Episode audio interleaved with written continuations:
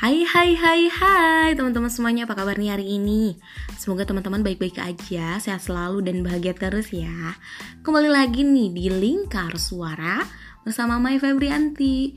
Nah masih di season pertama nih mengenai dunia perempuan. Tapi tapi tapi sebelum kita ke episode baru Saya ingin mengucapkan Dirgahayu Republik Indonesia yang ke 76 Indonesia tangguh, Indonesia tumbuh. Oke okay guys, kita mulai episode baru. Di sini aku pengen share mengenai perempuan dan refleksi kemerdekaan.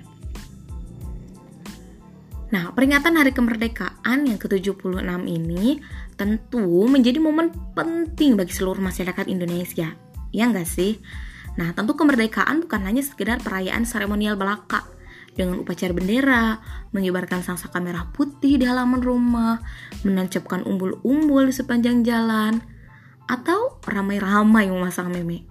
Kemerdekaan adalah soal sikap mental mencintai tanah air sepenuh jiwa dan diartikulasikan dalam wujud perilaku baik dengan nalar yang sehat. Merayakan kemerdekaan sejatinya juga memberikan kesempatan untuk melakukan refleksi nih tentang perjalanan bangsa ini serta membulatkan tekad bersama mengatasi berbagai macam persoalan guna memajukan Indonesia menuju satu abad pada 2045. Sudah seharusnya ini teman-teman, bangsa ini semakin dewasa dalam segala hal. Politiknya berdaulat, ekonominya berdikari, kebudayaannya menunjukkan kepribadian yang jelas, sehingga kemerdekaan benar-benar menyentuh dimensi substansial.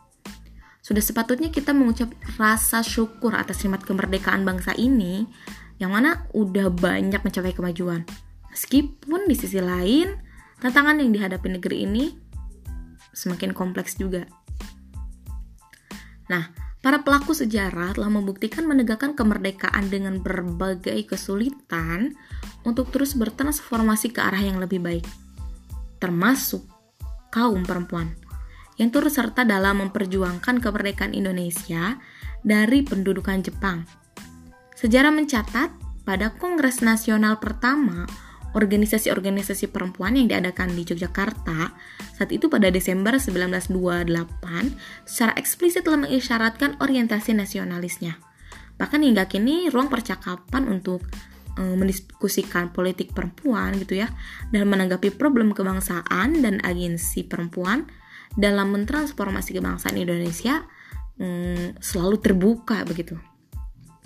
Nah, membangun diskursus di ruang publik ini sangat krusial bagi perempuan. Mengapa? Karena eh, perjuangan perempuan sejak masa pra-kemerdekaan hingga pasca reformasi nyatanya belum dapat sepenuhnya menempatkan perempuan sebagai warga dengan hak yang penuh dan setara. Hmm. Terus gimana? Nah, perempuan ini masih banyak isu-isu, teman-teman.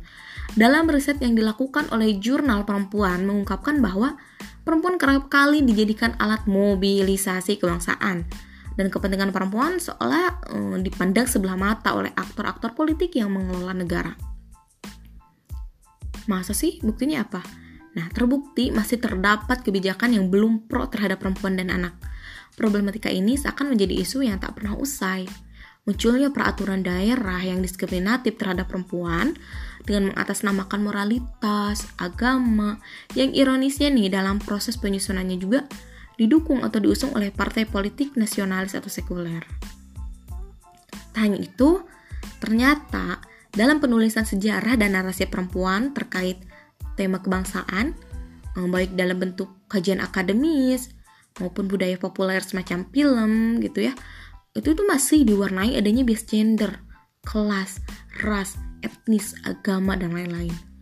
Kuatnya bias gender di dalam historiografi Indonesia eh, tidak dapat dilepaskan dari kuatnya budaya patriarki di dalam kehidupan masyarakat.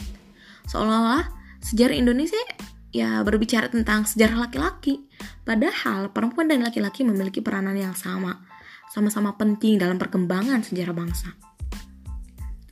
Nah, kemudian di era pandemi COVID-19 gitu ya, kasus kekerasan terhadap perempuan mengalami peningkatan yang cukup signifikan. Aduh, Nah, merujuk data catatan tahunan Komisi Nasional Perempuan 2021, kasus kekerasan terhadap perempuan di Indonesia sepanjang tahun 2020 tercatat 299.911. Wow, parah sih. Nah, data pengaduan ke Komnas Perempuan juga mengalami peningkatan drastis nih, yakni eh, 60% dari 1413 kasus pada 2019. Berarti menjadi 2389 kasus ya pada 2020.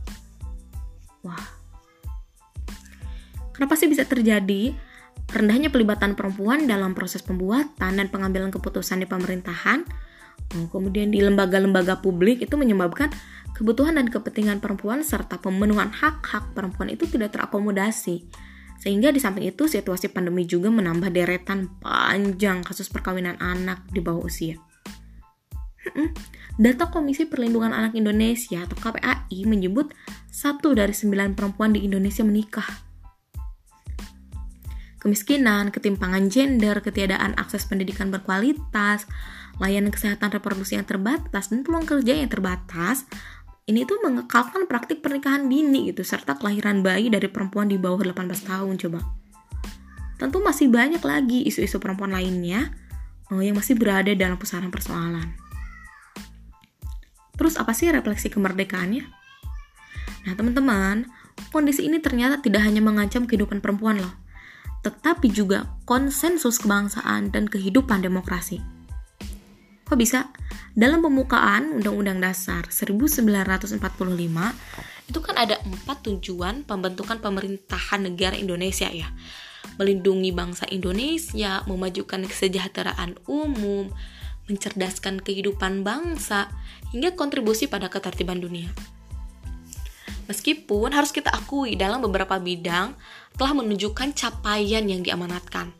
Akan tetapi, problematika perempuan masih menjadi pekerjaan rumah nih untuk mencapai tujuan sesuai pembukaan undang-undang dasar. Masa sih?